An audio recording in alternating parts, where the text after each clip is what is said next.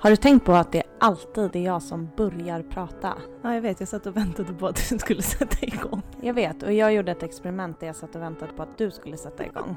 Och se hur lång tid det tog. Men grejen är att du är så den fyndigaste av oss. Det var väldigt eh, taskigt mot dig själv måste jag säga. Jaha. Men jag är inte så, är jag så fyndig då? Du är väl jättefyndig? Ja, okej. Det är bara att det som du tycker är fyndigt tycker inte jag alltid är, är jättekul. För du gillar ju typ ordvitsar och att... Jag vet inte vad, du skrattar ju åt allt. Ja, jag skrattar åt allt. Och sen har jag mycket humor som en förälder. Ja, verkligen. Ja. Alltså, för det, det, jag, när jag satt och klippte avsnittet eh, om, eh, jag kommer inte ihåg vilket avsnitt det var, men då sitter du liksom alena och pratar om att jag också mådde jättedåligt och sitter och skrattar för dig själv. Du bara ”Och du mådde också jättedåligt!” Och när jag satt och klippte, ja, när jag satt och klippte jag bara ”Vad håller hon på med? Är det verkligen så himla kul?”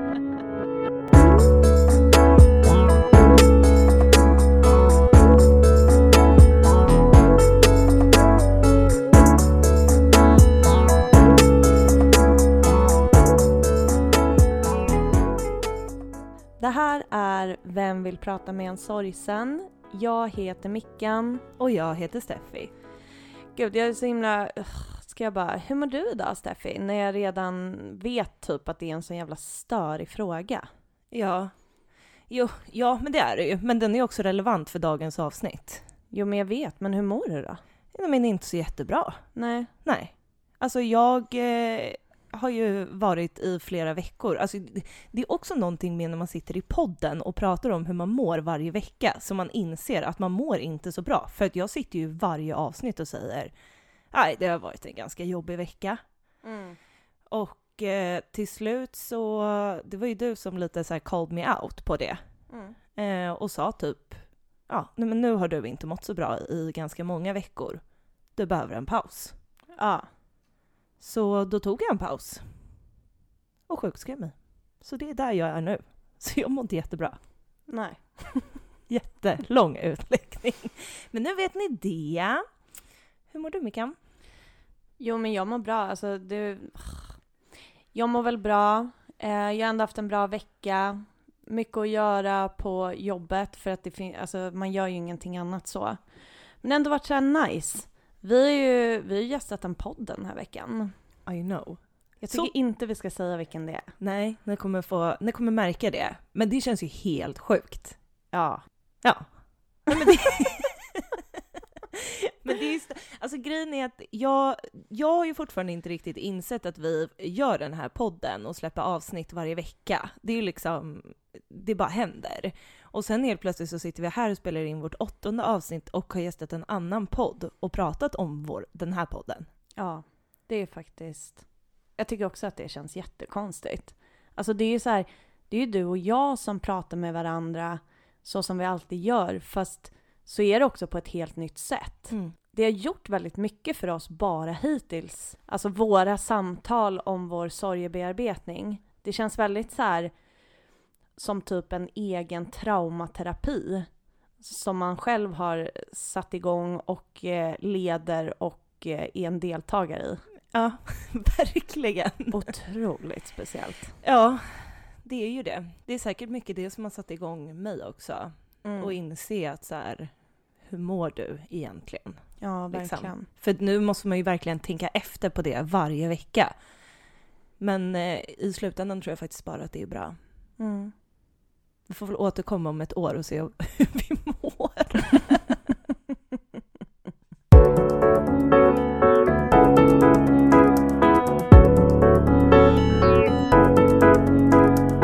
Ja, Mickan, vad ska vi prata om idag då? Oh my god, du tog ton. Snyggt. Idag, jag vet inte riktigt vad vi ska kalla veckans ämne, men det handlar någonting om depression kopplat till sorg, eh, sjukskrivning, lite sådana grejer. Ja, men alltså sammanfattningsvis så är det väl att sorgen ser inte alltid ut som man tror. Nej. Det är inte en, det är inte en rak linje som du så smart har skrivit här i blocket.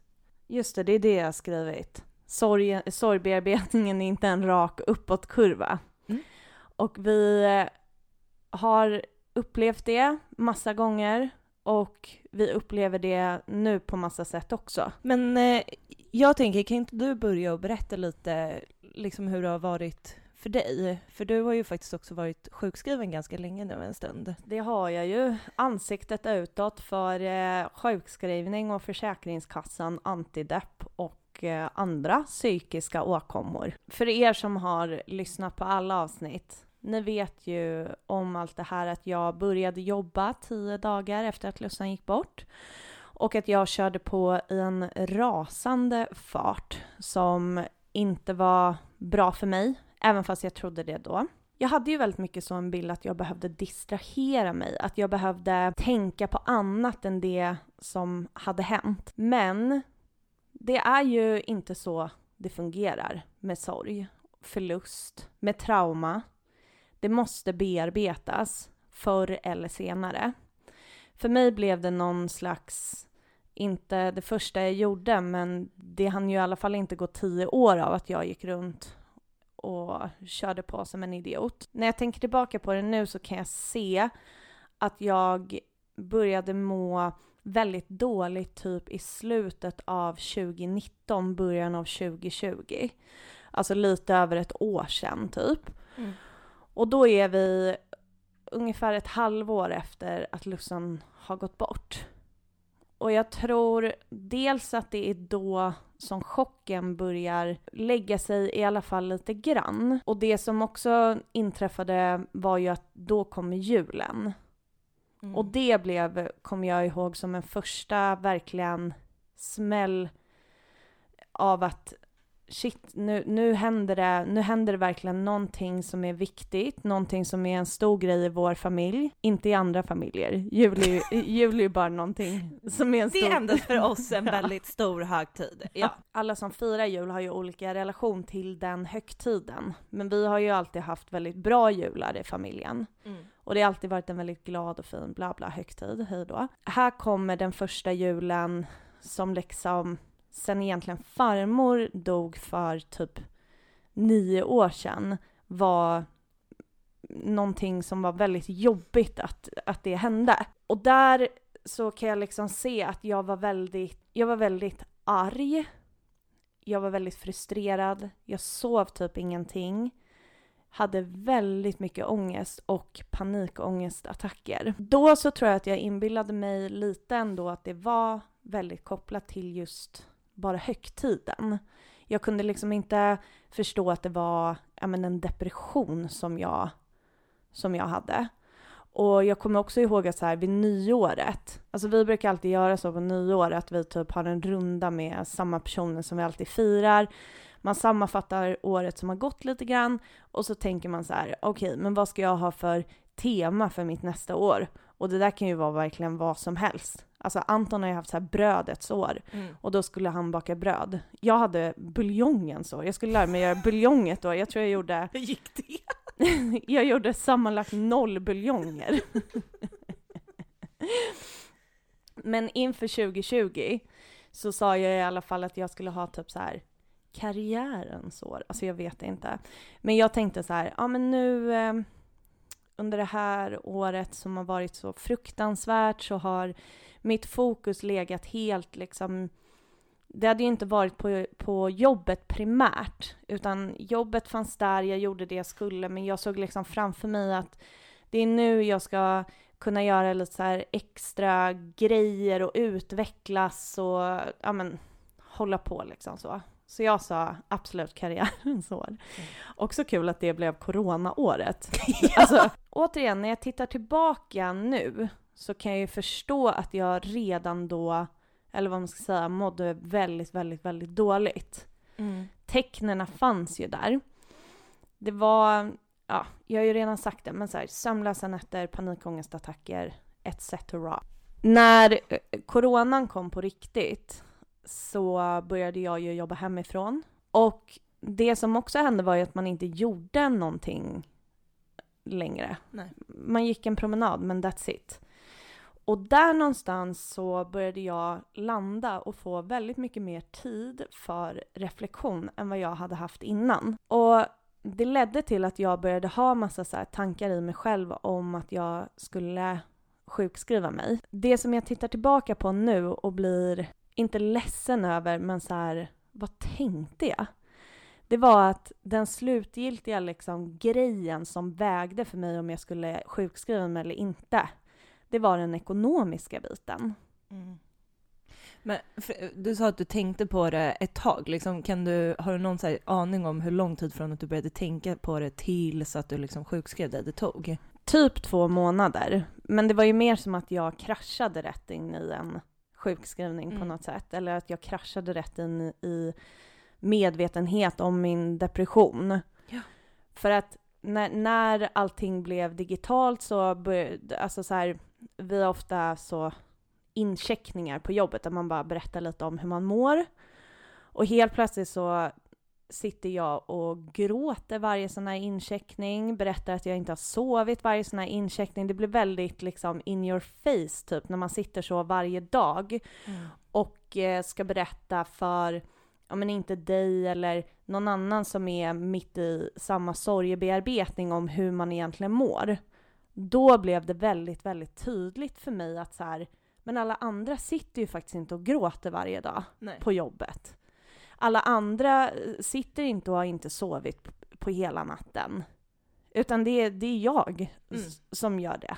Och med, med facit i hand nu, ekonomin för mig, som ju har liksom en tillsvidare tjänst, jag har någonstans att bo, alltså spare me your fucking bullshit och sjukskriv dig, din deprimerade jävel. Så men, kan jag känna efter. Ja, men tror du att du kan ha använt det lite som en så här ursäkt för att du var rädd för att sjukskriva dig eller liksom, förstår du vad jag menar? Mm. Eh, nej, det tror jag inte. Mm. Jag tror verkligen att det handlade om ekonomin för mig. Men till saken hör ju att jag har varit så himla dålig med pengar genom åren. Mm. Och det håller vi ju nu på att få reda på att det har massa förklaringar.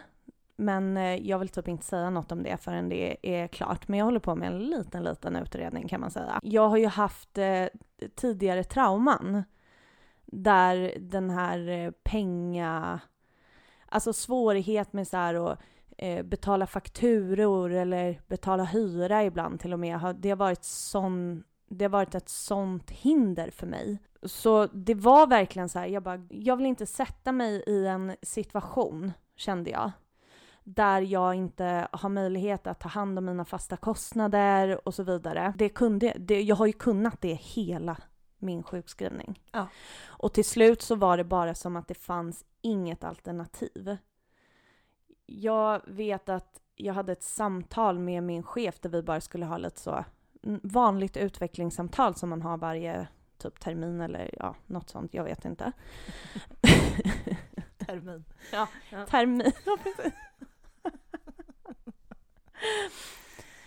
Och eh, alltså vi hinner så här 30 sekunder in i samtalet innan jag börjar storgråta och bara det här går inte längre, jag måste sjukskriva mig nu. Sjukskrev jag mig nu, som i då, när jag sa det? Nej, utan jag gjorde det lite så jag, jag börjar min sjukskrivning om två veckor, för då är det månadsskifte, så det tyckte jag var så här rimligt att tänka. man är så jävla dum i huvudet. Ja, jättekonstigt. Men jag gjorde det i alla fall till slut. Och eh, jag kan säga så här att dag ett på min sjukskrivning och sen från och med då och typ tre veckor framöver, då låg jag i min säng och typ stirrade rakt fram. Mm. När jag väl slappnade av och kände in hur jag mådde och hur ledsen jag verkligen var. Då kom den här fasen i sorgen av att ligga i ett mörkt rum och inte klara av något och att någon typ behöver mata en. Mm. I och med att det var corona också, still is, så behövde man ju liksom inte vara någonstans någonsin heller. Så det var som att borsta tänderna. Nej, jag gjorde det en gång om dagen, på mm. kvällen liksom. Men inte på dagen. Alltså jag tror inte jag använde underkläder på typ så här några månader. Alltså jag gick runt i mina mjukiskläder. Absolut att jag duschade, men alltså alldeles för sällan. För jag klarade inte av det. Jag klarade inte av att ställa mig i en dusch. Allt var en utmaning. Mm. Och att det blev så här illa, det var ju för att jag hade ignorerat hela sorgeprocessen, alltså i början. Och jag tycker fortfarande att det är jobbigt att tänka tillbaka på. Jag är inte helt bekväm i att så här heller outa hur handlingsförlamad som, som jag var. Nej. Men jag vet att det är många av oss som går igenom sorg som hamnar i ett sånt här stadie förr eller senare. Och jag vill att ni ska veta att jag har också varit där och jag kämpar fortfarande. Mm. Jag var heltidssjukskriven i tre månader och sen så började jag jobba 50 procent och gjorde det under hela hösten. Och nu sen årsskiftet har jag jobbat 75 procent. Jag är fortfarande inte tillbaka och det är fortfarande massa saker som för mig tidigare har varit självklara och enkla som är jättesvåra. Det är fortfarande svårt för mig typ att så här städa, alltså att, att ta tag i det. Att Mm. bara göra det så här enkelt, bara fixa kuddarna i soffan. Nej, du ser inte mig göra det. Och eh, att typ så här tvätta håret. Nej, alltså förlåt men jag bryr mig inte. Jag tvättar håret en gång i veckan, stäm mig. Jag kommer inte sluta med det tror jag. det, så det var en lögn. Men det har ju hela ditt liv också varit ditt Ja. värsta. Ja. Eh, nej men jag, vet- jag vet inte, typ träna. Jag har alltid tyckt om att göra det. Jag tycker att det är jättesvårt att eh, ta mig ens ut på en promenad. Jag måste verkligen tvinga mig. För att det här är också viktigt att säga att det är så här en del av hela typ rehabiliteringsprocessen. Att man ändå måste få till sånt där. Men det som sjukskrivningen verkligen har hjälpt mig med det är att våga gå in i sorgen jättemycket, alltså på ett mycket mi- på ett mycket mer äkta sätt än vad jag gjorde innan.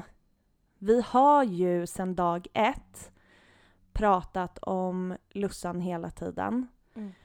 Men det är skillnad på att eh, prata om vad som hände. Man har ju nästan som en repertoar, alltså man vet hur man berättar historien om vad som hände. Men att verkligen ta sig tid själv och sitta och så här våga känna hur ont det gör att ha förlorat henne. Det är någonting som jag inte har klarat av att göra förrän jag faktiskt bara stannade allt och tvingade mig själv i början till att göra det. Mm. Men när du säger att du så går in i sorgen, hur gör du det? Det kan vara på lite olika sätt. Till exempel så kan jag kolla igenom eh, bilder och filmklipp på henne. Både från när hon var frisk och när hon var sjuk. Jag kan läsa gamla sms-konversationer mellan oss. Jag kan skriva i en bok som jag har där jag bara skriver om eh, Lussan. Eh, vad kan jag mer göra? Det handlar egentligen om att du bara stannar upp och ger dig själv tiden att tänka på Lussan på något sätt. Mm. Mm. Precis. Och att jag också tänker, det tycker jag, det gör vi också väldigt mycket i podden, att, att vi går in i så specifika perioder eller händelser, även de som man kanske inte är stolt över eller så här, som är extra jobbiga. Det är ju där någonstans som man har börjat så här våga finnas i det och som sen har också blivit den här podden. Men eh, du känner i alla fall att sjukskrivningen har hjälpt dig extremt mycket. Alltså snälla, jag vill att alla ska sjukskriva sig. jag tror typ att alla behöver det. Ja. Alltså i det här prestationssamhället. Herregud. Att man tror att man ska behöva prestera någonting när man har varit med om en sån här grej. Det är helt... Jag blir tokig när jag tänker på det. ja.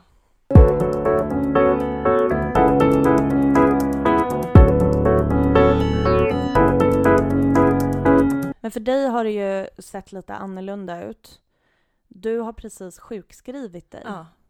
Vi byter av varandra helt enkelt. ja. På gott och ont. Alltså, vi kan ju också hjälpa varandra. Nej, men till skillnad från eh, dig som gick tillbaka till jobbet väldigt snabbt så eh, var ju jag faktiskt sjukskriven i, vad kan det ha varit, en, en och en halv månad kanske? Vilket jag tänkte, det var ju tillräckligt. Jag klämde till och med in tre veckors semester, eller nej, tre veckors jobb från att min sjukskrivning tog slut till att min semester började. Ja, men så kände väl jag att den tiden räckte med sjukskrivningen och semestern och att jag kunde komma tillbaka till jobbet efter det. Sen så har jag efter det jobbat på 100 procent um, och tyckt att det typ har varit fine. Eh, och sen så efter att vi började jobba hemifrån så tyckte jag att det var ganska skönt liksom. Men nu har det ju varit ganska många veckor i det senaste som jag kan egentligen inte pinpointa varifrån det började exakt. Men eh, det steg väl liksom gradvis och jag tror att det som fick mig att lite börja inse, det var när du sa så här, du gråter så otroligt mycket Steffi.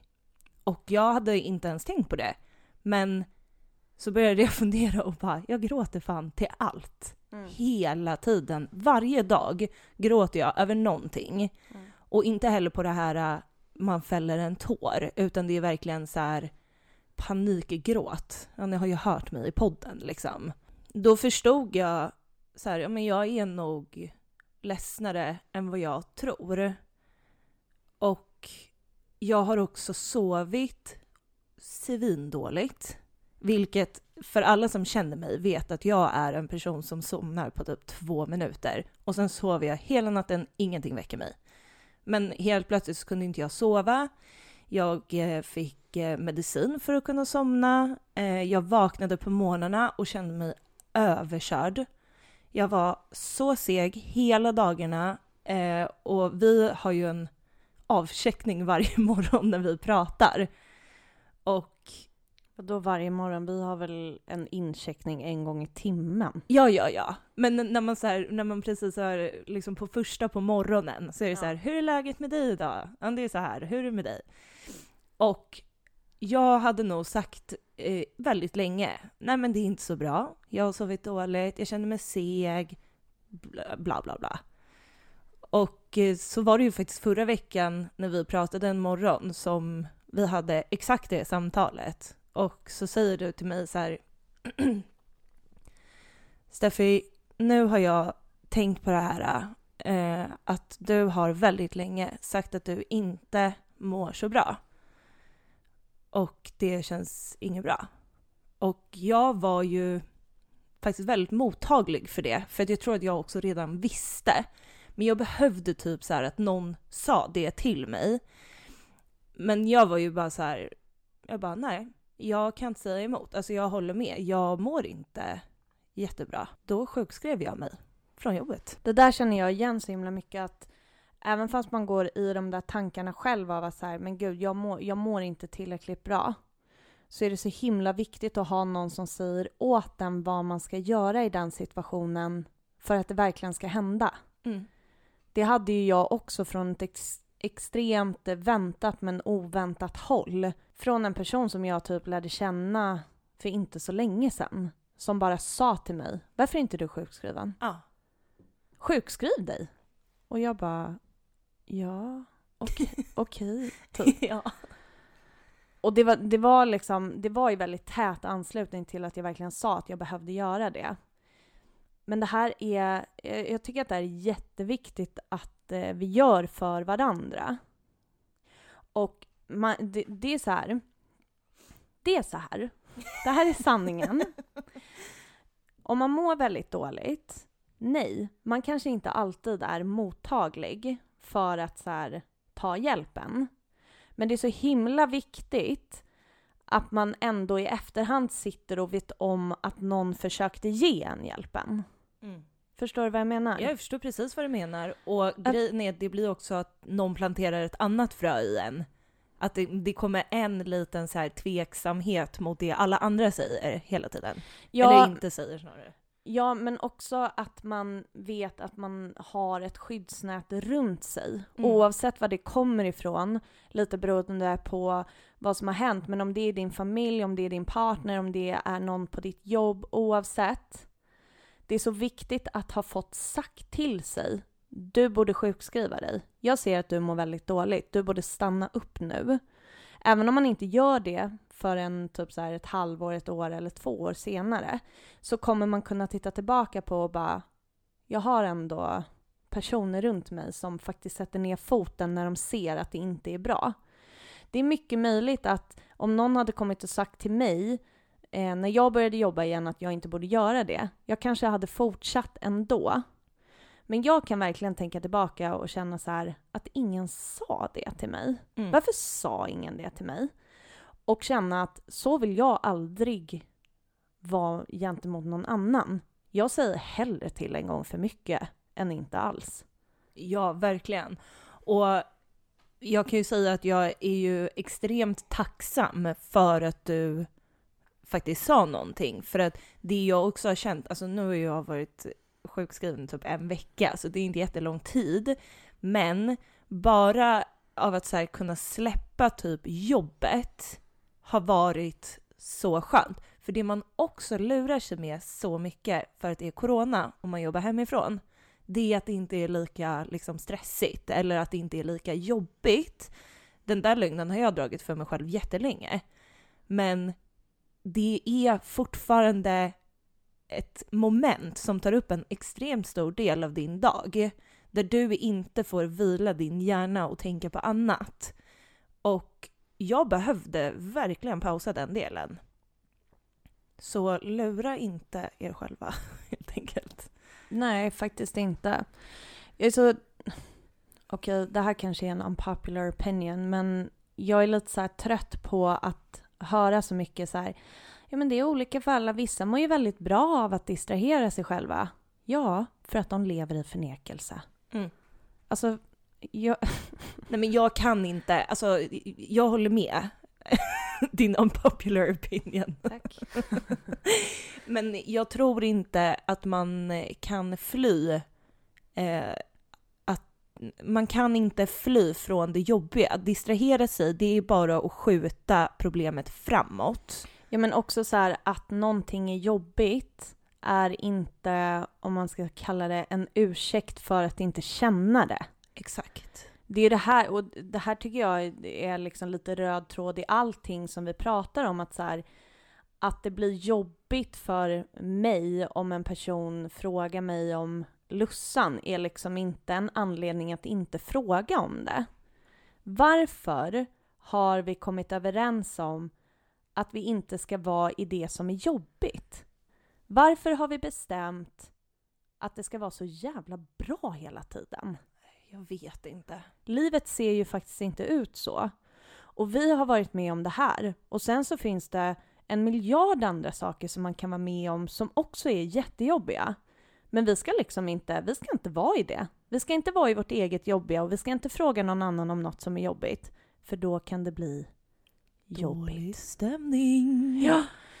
Nej, men jag håller helt med dig och det finns ju också den sidan av att så här, att må psykiskt dåligt tas inte heller på lika stort allvar som att må fysiskt dåligt. För att du sa ju det innan vi började spela in här, att till exempel varför sjukanmäler man sig inte bara två dagar för att man mår psykiskt dåligt? Varför gör man inte det? För att man tar det inte på lika, man tycker inte att det är typ en legit anledning att använda sina sjukdagar. Men hörni, det är en perfectly legit anledning. 100 procent. Alltså jag jobbar alla dagar i veckan med huvudvärk hellre än ångest.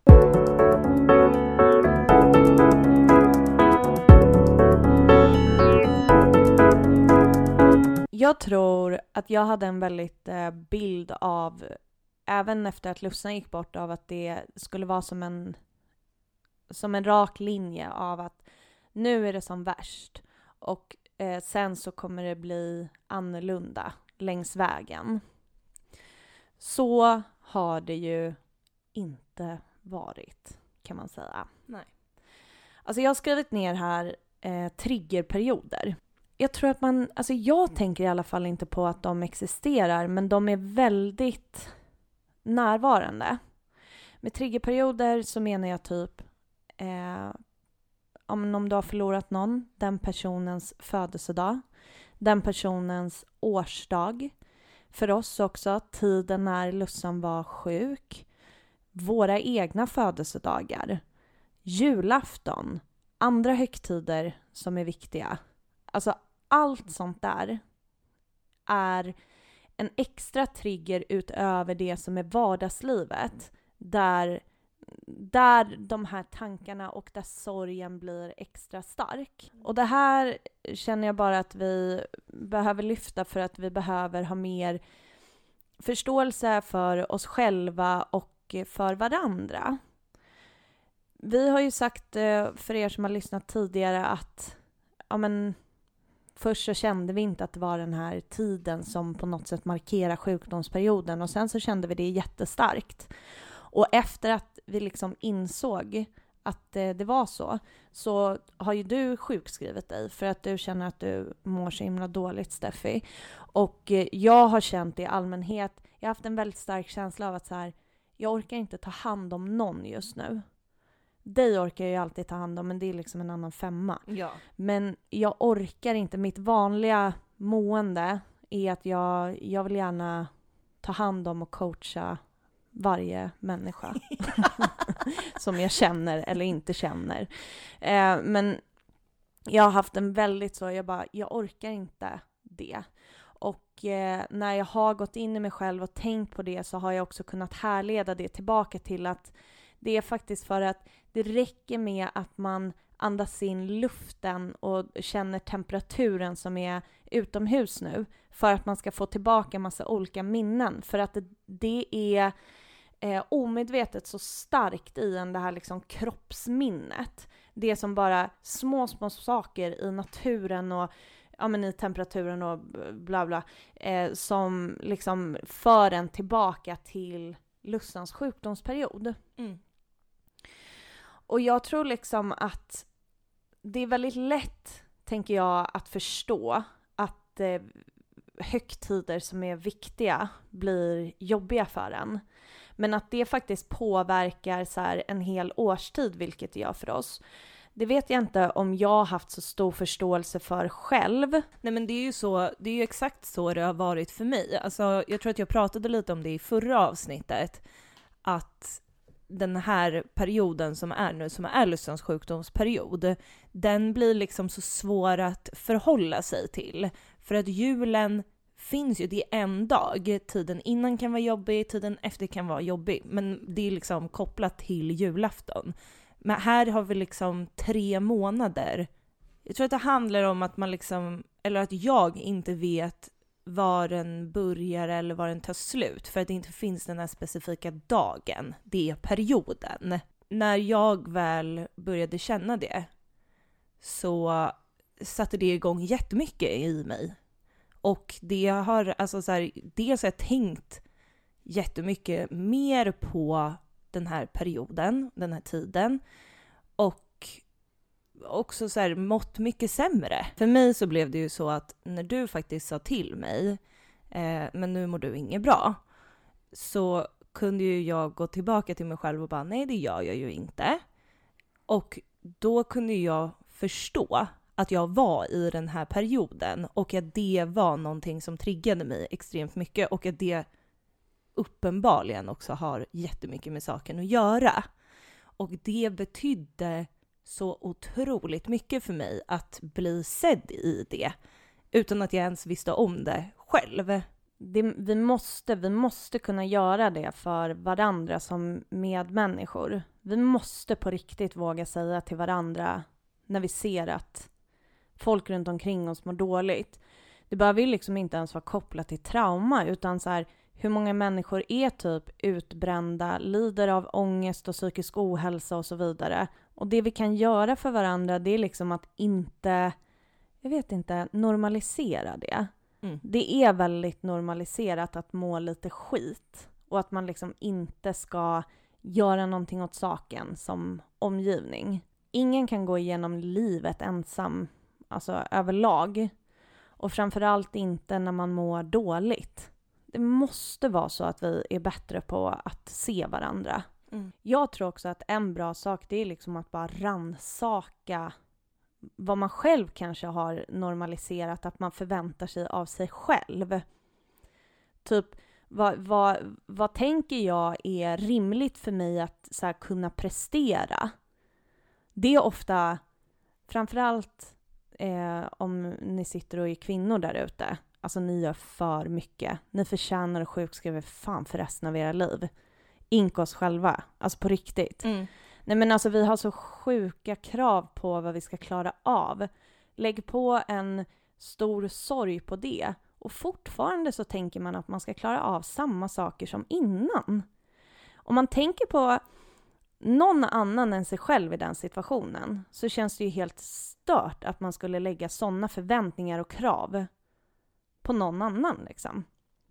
Ja, och det här är ju någonting som jag har upptäckt är väldigt svårt för mig just nu.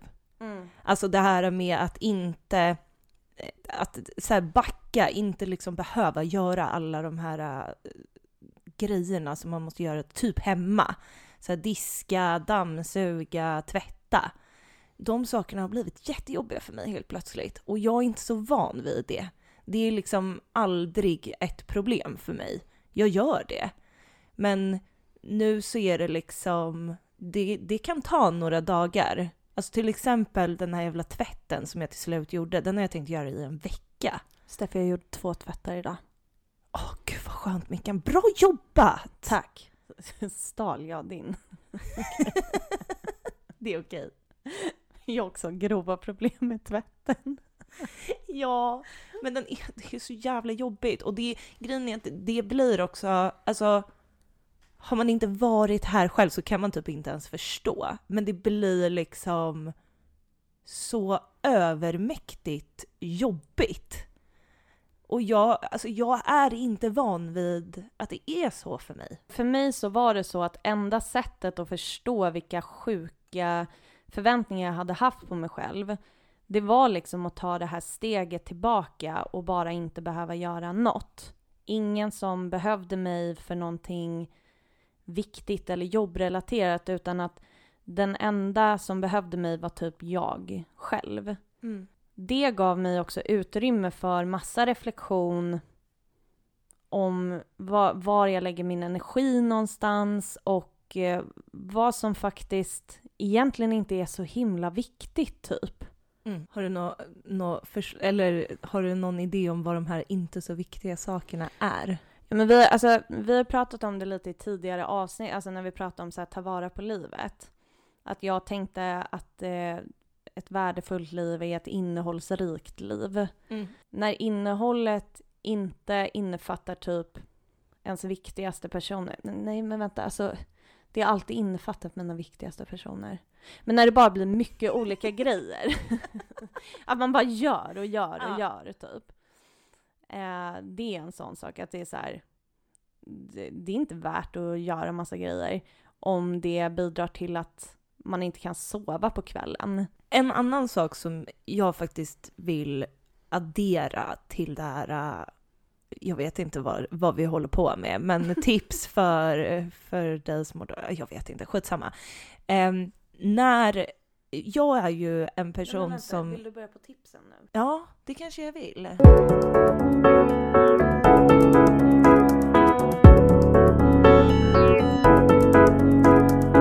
Jaha, men eh, ska vi ge några välvalda tips? Vad tycker du? Ja, alltså oombedda tips är väl det enda jag gör, eller?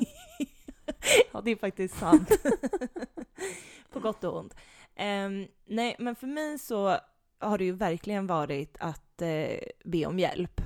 För att jag är inte en person som är bra på det vanligtvis. Men där jag är nu, jag behöver hjälp. Jag var så tacksam till exempel idag när du bara helt plötsligt sa du jag bokar om din läkartid, du behöver inte tänka på det. Och så gjorde du det och det var så jävla skönt. Mm. Och det är väl egentligen det jag vill komma till. Alltså herregud, ta hjälp. Tänk inte att du ska klara allting själv. Nej, och alltså erbjud hjälp. Ja, du som verkligen. står bredvid, erbjud hjälp. Mm. Ibland så fattar man ju inte ens att man behöver hjälp. Man kanske inte ens behöver erbjuda, man kanske bara gör. Ja, det var ju det du gjorde, Ja, till exempel. ja det gjorde jag ju innan du vaknade i morse. Ja. jag tänker också att eh, en sak som har hjälpt mig så himla mycket, det är ju att börja äta antidepp. Och det kanske inte alla behöver göra. Man ska ju bara äta antidepp om man är deprimerad. Men om man blir erbjuden att prova, gör det. Alltså, jag kommer ihåg när jag kollade på um, någon sån här SVT-serie om depression med Nour El Refai. Så sa Hanna Hellqvist som var med i den serien någonting om att så här, det finns någon konstig så här, renhetsnorm typ. Att, man, att det finns någonting så här ärofyllt i att inte behöva ta en tablett. Men det är bullshit, för att kan den där tabletten faktiskt få dig att så här, klara dig genom ditt liv, varför ska du inte ta den? Så om du liksom, alltså går du i tankar om att du kan, alltså att du inte mår bra, att du faktiskt inte klarar av typ din vardag och att typ sorgen tar över på ett sätt som är ja men förlamande. Sök hjälp hos vården. Du ska absolut inte, absolut inte börja äta antidepp på egen hand och du ska absolut inte sluta på egen hand med antidepp. Men kolla vilken hjälp du kan få. Men de här tabletterna, alltså de är inte så dumma. Får man säga så här? Jag vet inte, men vem bryr sig? Uppenbarligen inte du. Nej. Men gud. En annan sak jag tänker på, det är att det finns liksom ett stort perspektiv och så finns det att klara av dagen.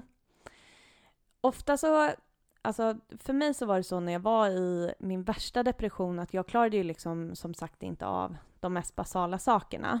Och det enda som, eller det enda, väldigt vanligt är att man får höra så här, ska du inte ta en promenad? Eh, rutiner är bra. Träning, typ. Ja, alla de här sakerna är jättebra. Och när du, kommer, när du liksom sakta men säkert tar dig tillbaka på fötter så ska du absolut försöka få rutiner och ja, hela den där eh, grejen. Men så här, idag, nu när du mår så här dåligt, även om det är bara för några dagar eller för en längre period, alltså det är helt fint att bara avsäga sig alla rutiner. Det är helt fint att käka liksom middag till frukost, chips till lunch och ingenting till middag. Eller tvärtom. Alltså så här, gör hur du vill. Även om det är en fin sommardag ute, dra för gardinerna och kolla på en serie. Det är bara viktigt att du inte straffar dig själv och lägger massa så som man kanske tänker ska vara enkla saker egentligen, att du ska klara av dem just nu. Du kommer klara av det igen, men det kräver typ lite också att du bara släpper allt. Du får göra det. Det är helt okej. Ja, man måste vara tillåtande mot sig själv. Alltså det är så viktigt. Det jobbar jag på just nu, kan man säga. Men sen tänker jag också så här, till omgivningen, eller vad man ska säga. Istället för att säga eh, som ett tips, gå ut på en promenad. och hem till personen om du har möjlighet och säg kom så tar vi en promenad och går ut. För att ibland så behöver man bara bli tillsagd vad man ska göra. Eh, några oombedda tips från några icke-experter. You're welcome. Det var väl allt ni behövde den här måndagen? Eller vad säger ni?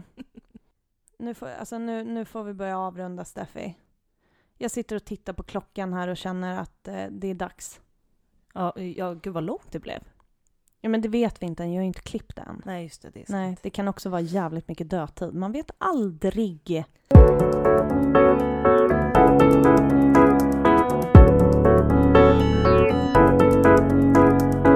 Vi finns på Instagram. Där heter vi Vem vill prata med en sorgsen?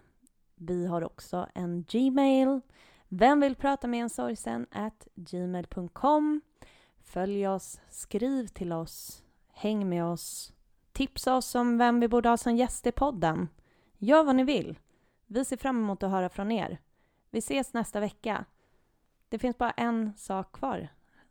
Yes. Skål för Lussan. Skål för Lussan.